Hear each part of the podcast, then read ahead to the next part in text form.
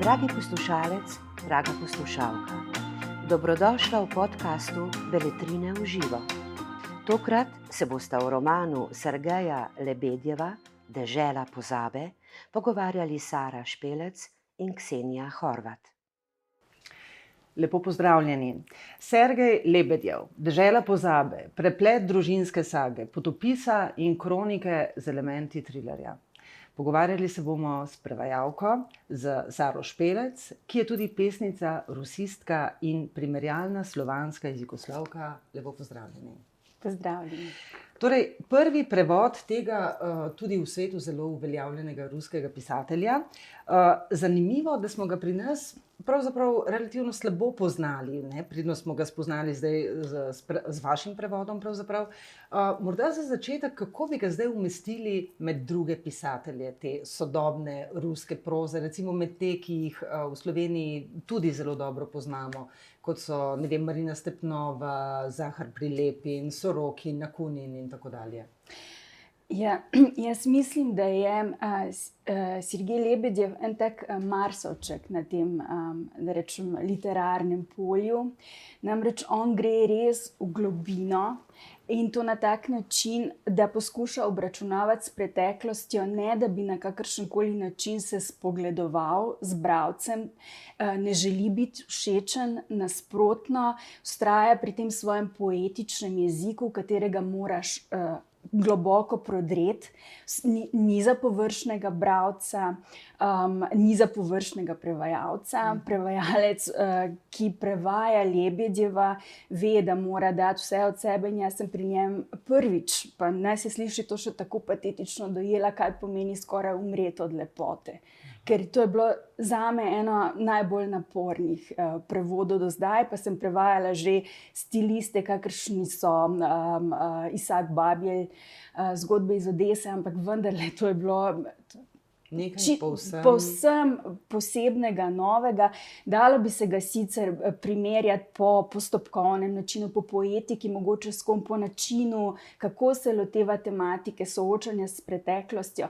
Ampak on je eh, izumil tudi sam pravi za to knjigo nek čisto poseben jezik, uh mhm. -huh. ki je nekje med tukaj in onkraj. Zato, ker uh, prvič spregovori v jeziku ljudi, ki so pozabljeni, katerih usoda je pometena pod preprogo. Um, in uh, še ena zanimivost, uh, jaz, ko sem razmišljala, kako bi ga stilistično opisala, Eh, če imamo na eni strani magični realizem, bi jaz rekla, da je to neki magični reizem. On namreč predmetom da čisto posebno vlogo, jih počloveči. In če ljudje, šepetavci, toliko let niso mogli govoriti o svoji usodi, niso smeli, pri njem spregovorijo predmeti, ki so tudi pričevalci te grozljive usode. No.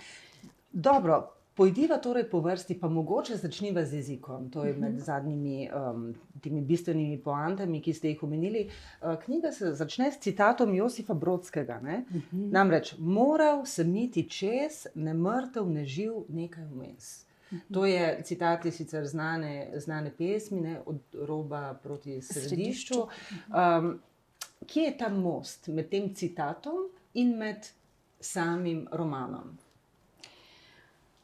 Uf, most. Uh, Mislim, jaz... sem, da boste navezali prav na to, ko ste dejali, ne, ta jezik. Ja, ja seveda. Uh, Verjetno je to to.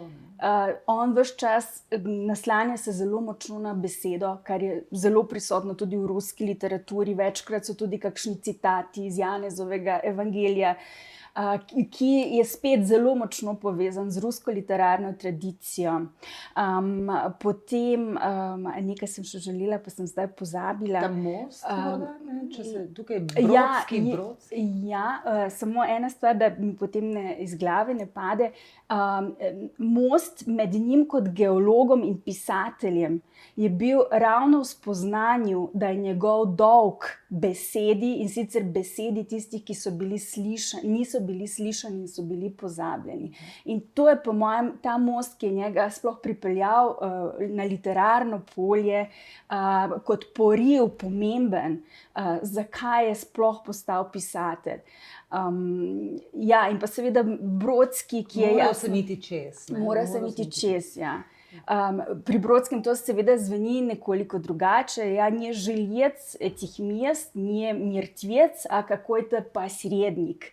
Nekoliko drugače. Ampak jaz sem si tukaj dovolila vzeti mogoče pikico iz konteksta te njegove čudovite eh, poeme od Brodskega, um, da je nekako ustrezalo vzdušju tudi te knjige. Mhm. Kajti on je um, posrednik med besedo tistih, ki jih več ni, in med tistim, ki jim na nek način ne preroško, ne na noben moralističen način, ampak jim želi predati to usodo, da bodo znali z njo um, rokovati, da bodo razumeli, če, kar se nikoli ne sme več ponoviti. No. In pozabiti. Ne? In pozabiti. Um, Morda še za sekundo pri Brodskemu.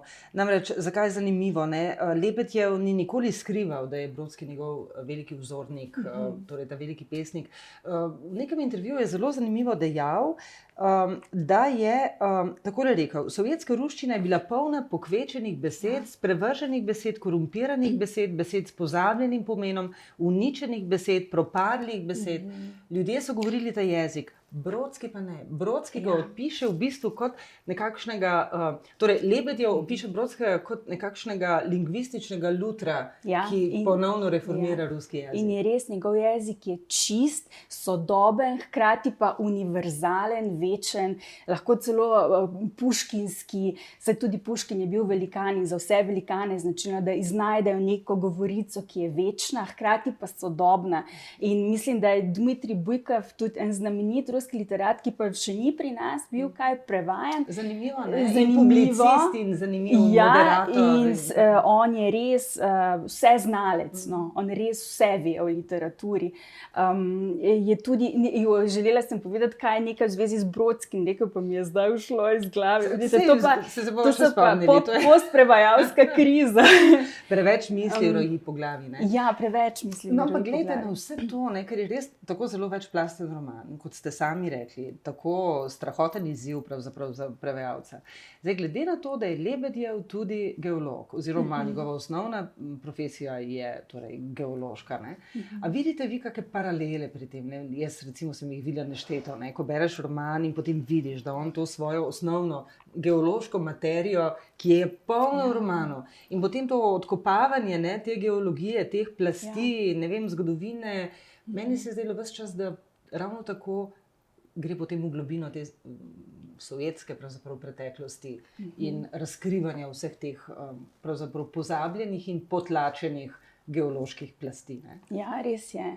In ravno zaradi tega je tudi njegova govorica tako zelo univerzalna. To so metafore, ki jih najbrž ne bomo srečali pri nobenem drugem pisatelju, in uh, zaradi tega ima prevajalec eh, veliko neprespanih noči. Uh, recimo, če samo en banalen primer. Vse vemo, kako izgledajo rudniki, vemo, kako izgledajo kopije, ampak nimamo jih pa vse čas pred seboj.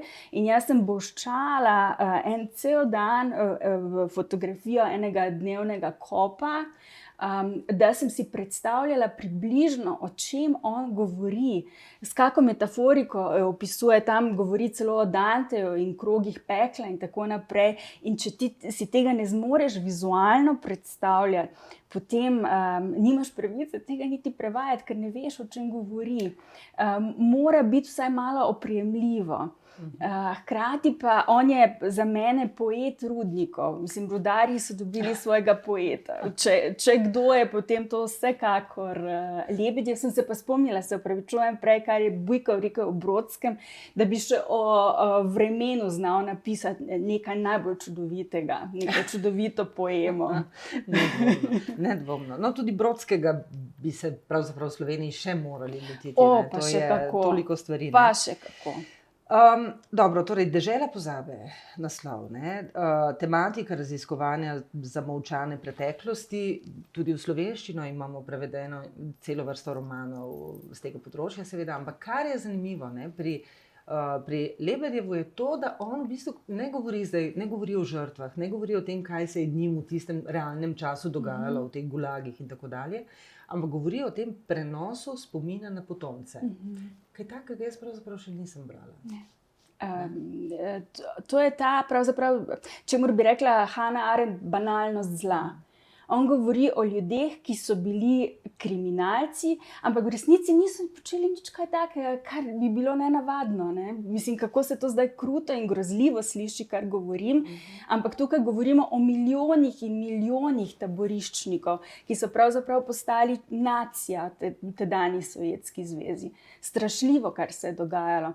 In ravno s tem, um, in tudi ta genijalen postopek potujitve pri njem, da govori z otroškimi očmi in potem, zdaj, da ne bom preveč kvarila, ampak potem kot tega dečka uh, vplete v zgodbo s pretresljivo usodo. Ravno to je tisto, kar se še toliko bolj tisne in pusti tak pečat, da je mogoče celo bolj nevarno za um, nekoga, ki je na oblasti, kot če bi on zelo na glas kričal. -huh. Ta roman je pravzaprav jaz ga dojemam kot en še pet. Uh -huh. uh. Torej, to ni nihče, recimo, ki bi se zdaj lotil branja tega romana, ne pričakuje, da bo to neka kritika ruskega sistema na prvo žogo. Uh -huh. Prav nasprotno, je zelo uh -huh. velika, močna kritika, ampak gre bistveno globlje kot uh -huh. samo do. Ne vem, neke vladavine, nekega avtokrata in diktatorskega oblastnika. On gre do bolečine globoko.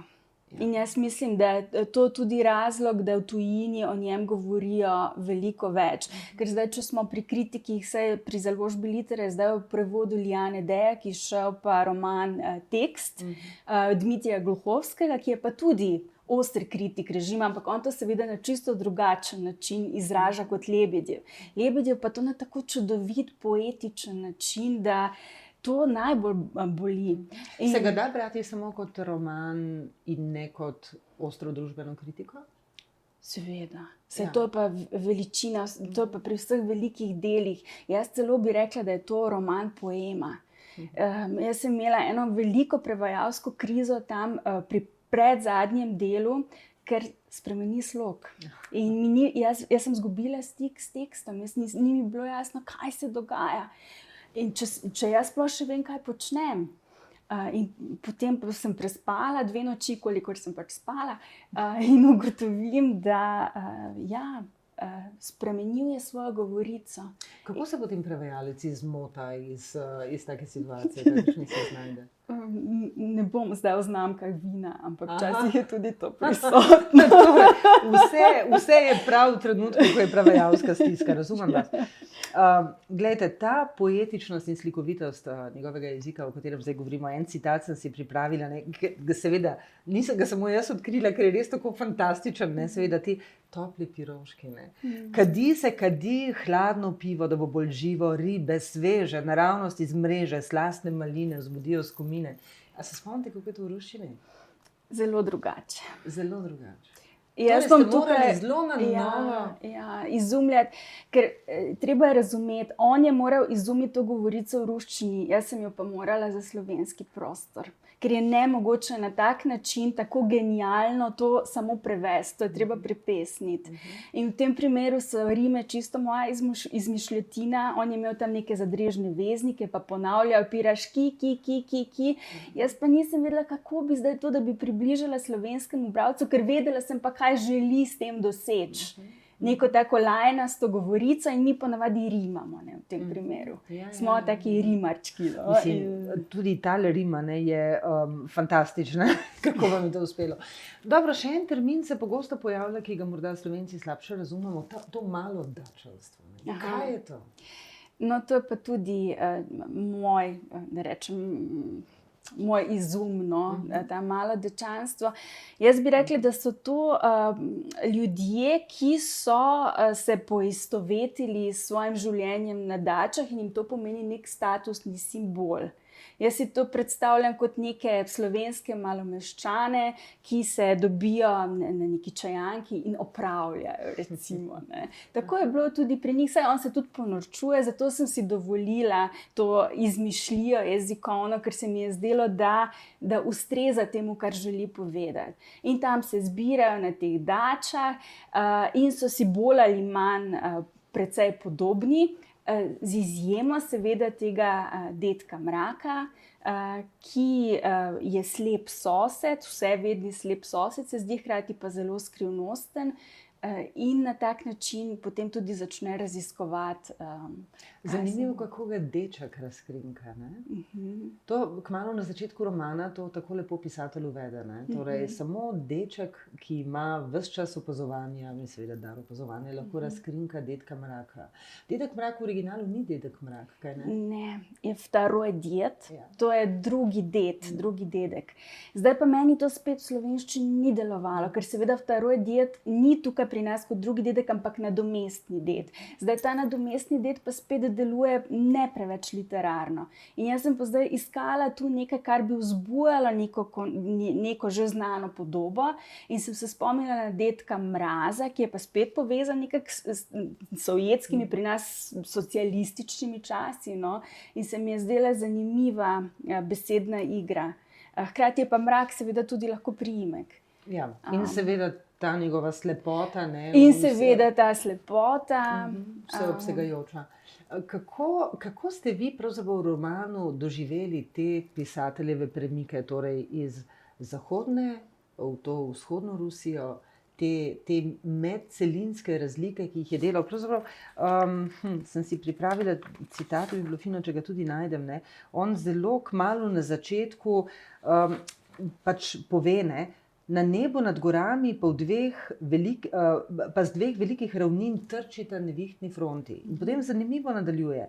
Prav tam, kjer slabi življenska moč Evrope, kjer na eni strani uspevata samo jagal in lišaj, kjer z druge strani grozi premod stravo in drevjem poraslega azijskega sveta, prav tam sem prvič občutil svoje evropske korenine. Kako si vi razlagate ta citat? Mislim, toliko je spet plasti v tem. Ja. Sodobne Rusije, pravzaprav toliko sodobne Rusije. Za čisto na prvo žogo bi rekla, da ponavadi vzljubimo domovino takrat, ko jo pogrešamo. In takrat se tudi zavemo, da nas na domovino še najbolj jezik veže. To je čisto realno. Vem, enkrat se spomnim, da je eh, ena kolegica pred leti govorila, ki je študirala vem, polščino, da bi pa ona svojega otroka učila polsko. Pa ona nima nobenih polskih korenin, samo študentka. In se jaz vprašam, kako se pa ti nimaš nobene čustvene vezi s tem jezikom, to ne bo pristno. Pristno je lahko samo takrat, ko ti ta jezik zares občutiš, ko je tvoj, ko je del tebe.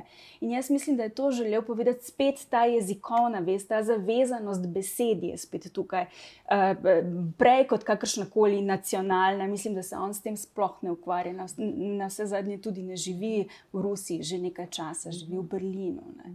Pravite, človek potrebuje tisto emocionalno emocionalno, emocionalno komponento, da se nečesa res tako zares strastjo loti. Uh -huh. uh, kaj pa je ta komponenta pri vas, da ste se odločili za slovanske jezike, mislim, predvsem ruščina, pa ne samo ruščina? Mm, Dostojevski. Bratje Karamazovi. to je bila prva stvar, in potem še marsikaj drugega. Uh, ampak eh, brez Dostojevskega se najbrž ne bi za ruščino odločili v tistem času. Je bilo to vendarle odločilno.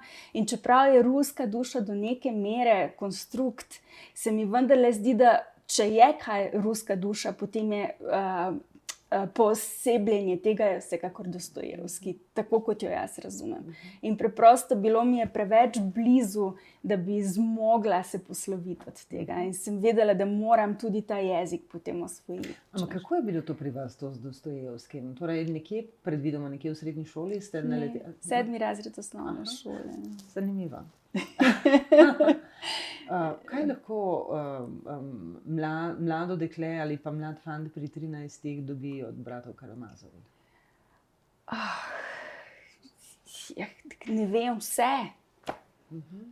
Vse uh, za me. Uh, In odnosi med ljudmi, uh, in uh, dialogi, in spoznavanje nekega novega sveta, pravoslavja, ki me je tudi takrat pritegnilo. Uh, potem meni je zanimiva ena stvar, ki je kasnejša. No?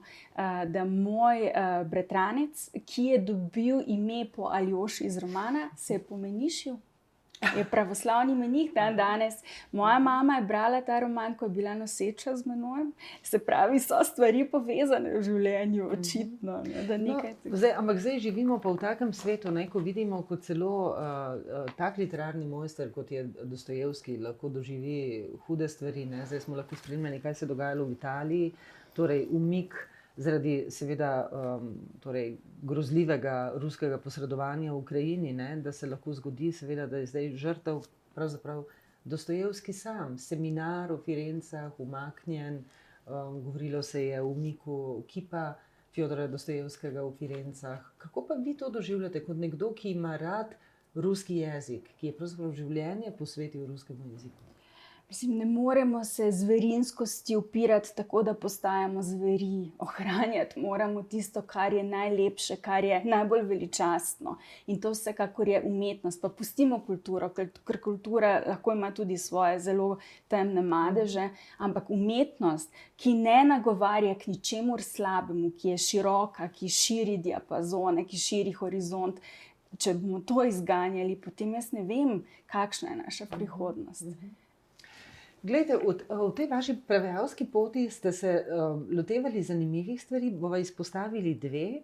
Uh, morda uh, Izaka Bablja ste že prej omenili, tudi očitno ste zelo emocionalno ja. doživljali ta prevod, torej pripovedi iz Odese, mhm. iz danes oblegane Odese, se človek ne bi verjel. Ne? Ja. Kako ste prišli do Izaka Bablja? Je prvič, seveda, že v času študija. Mhm. -huh. Sicer takrat nismo obravnavali nikoli teh adijskih razkazov, mi smo uh, rdeča konjenica. Mhm. -huh. Tam smo neke zgodbe imeli tudi kot obvezno študijsko gradivo, in že tam sem videla, da je to ne. Pa tako na svoj način tudi en Marsoček. No. Uh mhm. Čist na poseben način, z eno posebno občutljivostjo, z enim posebnim darom uh, opazovanja, tudi pristopa um, k zgodbam, uh, tako velikih kot majhnih ljudi, pretežno majhnih. No. Se ga da primerjati s Singarjem, z Izakom Baševicem Singarjem? Ja, bi se, bi torej, sem... Poljski štetli, seveda pa Babel. Ja, Babel je verjetno bolj duhovit, ba, tudi, ja, ima. tudi ima, ampak ja, Babel je vseeno, morate razumeti, da jaz ga vendarle kot prevajalka zelo eh, čustveno dojemam in je za mene čist na nekem posebnem piedestalu. Uh, Um, ja, in tudi ohranja mogoče to tradicijo gogoljevskega humorja. To, to je zanimivo. Tega recimo ni pri, um, pri Lebedjevu. Ja. On gre bolj po tej poti Šalamova, ja. Varlama Šalamova, ker tudi so ženicin zna ohranjati to uh, žlahtno tradicijo, tudi ko govori o najbolj pretresljivih stvarih. Um, Medtem ko Varlam Šalamov je, ne bi rekla, da je Lebedjev obupal nad človeštvom, tako kot Šalamov, mm. ampak je eh, prisotna ta uh, neka pesniška, poetična britkost bolj pri njem. No. Mhm. Tudi kot, kot način samo pomoči, skoraj ne v tem ja. ne, vprašanju. Ivan Čolovič, to je tudi mhm. zanimiva zgodba. Ja. To je velik človek nekdanjega jugoslovanskega prostora. Ne, kaj bi uh, mi vsi brez zbirke 20. vek. Ja. Um, to je bilo eseistično delo, to, kar ste vi zdaj prevajali, ne, pravzaprav mhm. -huh. literarna, ne vem, antropološka teorija in kako.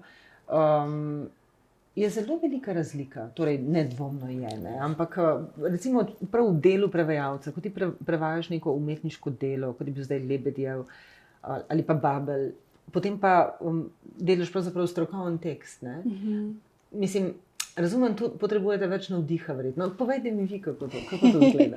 je, zdaj vsi ti trije omenjeni eh, imajo eno skupno točko, eh, lucidnost, izredna lucidnost. In potem jaz, kot prevajalka, eh, moram priznati, da mi je rahlo nerodno pri mojih letih in kilometrini, in nimam nekih prevajalskih orodij.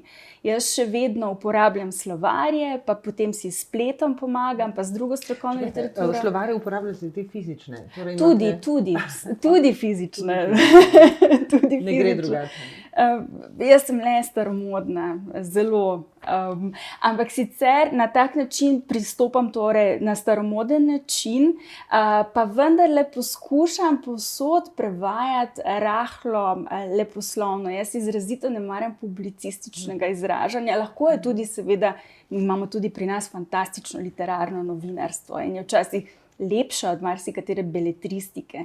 Ampak poskušam vnesti tudi nekaj tega jezikovnega soka, um, To je pa posod- vaša pesniška duša. ne? To je pa pesniška duša, ampak k sreči je Čolovič je eh, naravno duhovit in briljanten. ne. Pri, njim, pri njem si ni treba, mogoče stilistično, kje, ampak ne bomo zdaj o tem. ampak sicer vsebinsko je pa briljanten in so briljantni vsi ti trije. No. Ja, si to sami izbirate ali kako to pride? Urednik pride do vas in vam predlaga. Eh, Torej, zdaj Lebedjev je bilo naročilo, oziroma prošnja, če sem pripravljena. Uh, Babi je bil izbor, uh, Čolovič pa tudi, mislim, da je eh, dr. Božidar Jezernik me je takrat zaprosil, če bi bila pripravljena. In jaz sem, kljub temu, da sem bila ravno med doktoratom, nisem mogla reči ne, ker prevajanje pa nekaj, kar res rada uh, No, tudi jaz sem imela takrat priložnost z njim narediti intervju. Ja, je se spomnim, zelo dober doživetje. intervju. To je bilo tudi doživetje. Um, dobro, ampak ko se lotevate tako zelo različnih projektov, ne, recimo Lebedje. Zdaj, um, sprašujem se, kako se tega lotite. Vi potem naštudirate vem, zgodovino, ne vem, uh, geografijo, uh, ne vem, literaturo tistega območja. Kdaj se počutite Ja. dovolj varni, da rečete, zdaj pa res poznam ta, um, um, recimo, ta svet Lebedjeva, da se lahko že drznem prevajati recimo, njegovo literaturo. Ja, jaz sem tukaj, nisem tako zelo metodična in sistematična, to meni ni lastno. Uh, jaz mislim, da takrat, ko prodrem njegov jezik. In takrat, ko prodrem njegov jezik, prodrem njegovo bistvo, in potem pa začnem še vse naokrog raziskovati. Ampak dokler ne najdem stika z jezikom, uh, je za, za me vsak študij izgubljen. Jasno, da me zanima, jasno, da, da preberem, da prebiram stvari povezane z zgodovino, pogledam si marsikaj v njem. Ampak dokler ne najdem jaz tega prvoosebnega stika z Kako njim, se to zgodi? ne vem, to je pa magija. To je pa magija. To pa je Ma magija. Kaj to pa- pomeni? Berete, berete in naenkrat Naenkrat. začutite. Naenkrat, tako kot to, ko sem vam prej rekla, da nisem vedela, kaj se z menoj dogaja, kriza. In potem sem ugotovila post festum, da je avtor slog spremenil na pravi poti, si špelec, v redu. Nič ni narobe, štima. Ja. Uh, ampak uh, zgodi se preprosto, uh, ker prevajalec jaz trdim, da je um, najtesnejši avtorjev sopotnik, ki mora res prodreti njegovo bistvo. In uh, na nek način ni njegova senca, ampak včasih tudi celo sonce, če je treba. Lepo ste to rekli. Zdaj niste imeli prilike, da bi tudi spoznali Sreja Ne. Lebedjeva, ker pač ni prišel v Ljubljano. Ne? Verjetno je pa to tudi zanimiva izkušnja potem za polustvarjalca, da v bistvu ne spozna sreča človeka, s katerim je živel ne, mesece. Ja, sicer pri takih genialnih avtorjih moraš biti že kar ustvarjalec, tudi pri prevodu. Uh, ja, zelo sem bila razočarana in žalostna, da se nisva mogla srečati. Sem vesela, da je bil vsaj preko videokonference prisoten. Uh, ampak sem hkrati ponosna, da sem pa prevajala avtorja, ki je res ne samo velik avtor, ampak tudi velik človek. No. Ponosna, da um, lahko danes s ponosom rečem, da mi ni nerodno. Da Bog ne da, da bi prevajala nekega proputinovca, ker bi se lahko tukaj mišje luknje skrila. Pa lahko se tudi zgodi, ne, Tudi- pravzaprav, ne, da tudi ta bi se lahko ni prišla tako. Um, mislim, da se je kuhala, kuhala, ampak ni bilo tako zelo pričakovano. Ne? Jaz Šok, sem ne. iskreno že takrat, ko um, so začeli s tem uh, zauzetjem Krima, ba, nisem nič lepega pričakovala, no? ker smo razumeli sporočilo. In sem bila tudi razočarana nad številnimi komentarji, čež da to je pa nekaj samo po sebi umevnega, da Krim pa je ja proruski, je v redu, potem pa začnimo si kar zauzemati, potem pa je tako vseeno, imamo mednarodno pravo, ali obstaja državni ustroj, pol je pa vse skupaj. Sploh v Sloveniji je bolje, da ne bi na ta način razmišljali, ne? ker sicer ne bi kaj dosti ostalo. Ne? Ja, no, recimo. Ja, kot že vidimo. ne. Um, Sara Špelec, kaj pa zdaj? Ne? Torej, um, ne vem, je bilo že kako naročilo urednika, se sami ozirate po neki smeri, po neki literaturi, ali je zdaj spet pesništvo prišlo na vrsto, verjetno po tako intenzivnem delu. Ne? Človek nekaj Ja. ja. tudi dobi in potem Ja, bi dal iz sebe, ali kako je zdaj? ja, najprej je bila kar huda kriza, resnično, Kaj to pomeni? iztrošenost. Čista iztrošenost. Se pravi, da tista moja prejšnja izjava ni bila patetična, bila, jaz sem bila že res na meji zmogljivosti, ker eh, prevajalci smo pač tako, oziroma da rečem, svobodni ustvarjalci, da gremo iz projekta v projekt. In jaz sem začela to že prevajati zelo utrujena.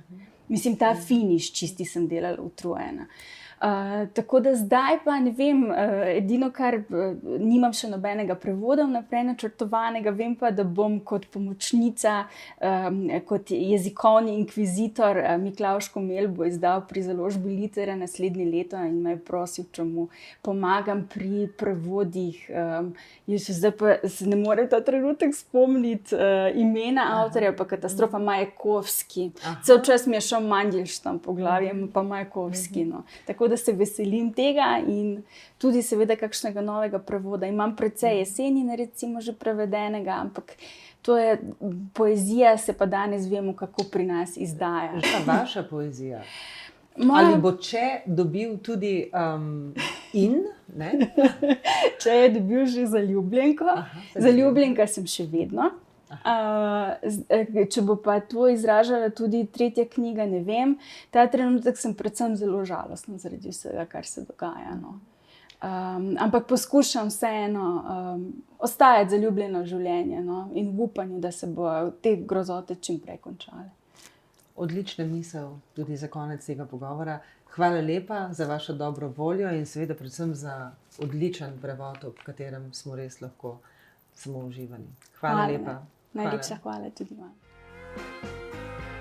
Najlepša hvala za vašo pozornost. Za več knjižnih vsebin vas vabimo na www.beletrina.si in v našo knjigarno na Starem trgu 3 v Ljubljani.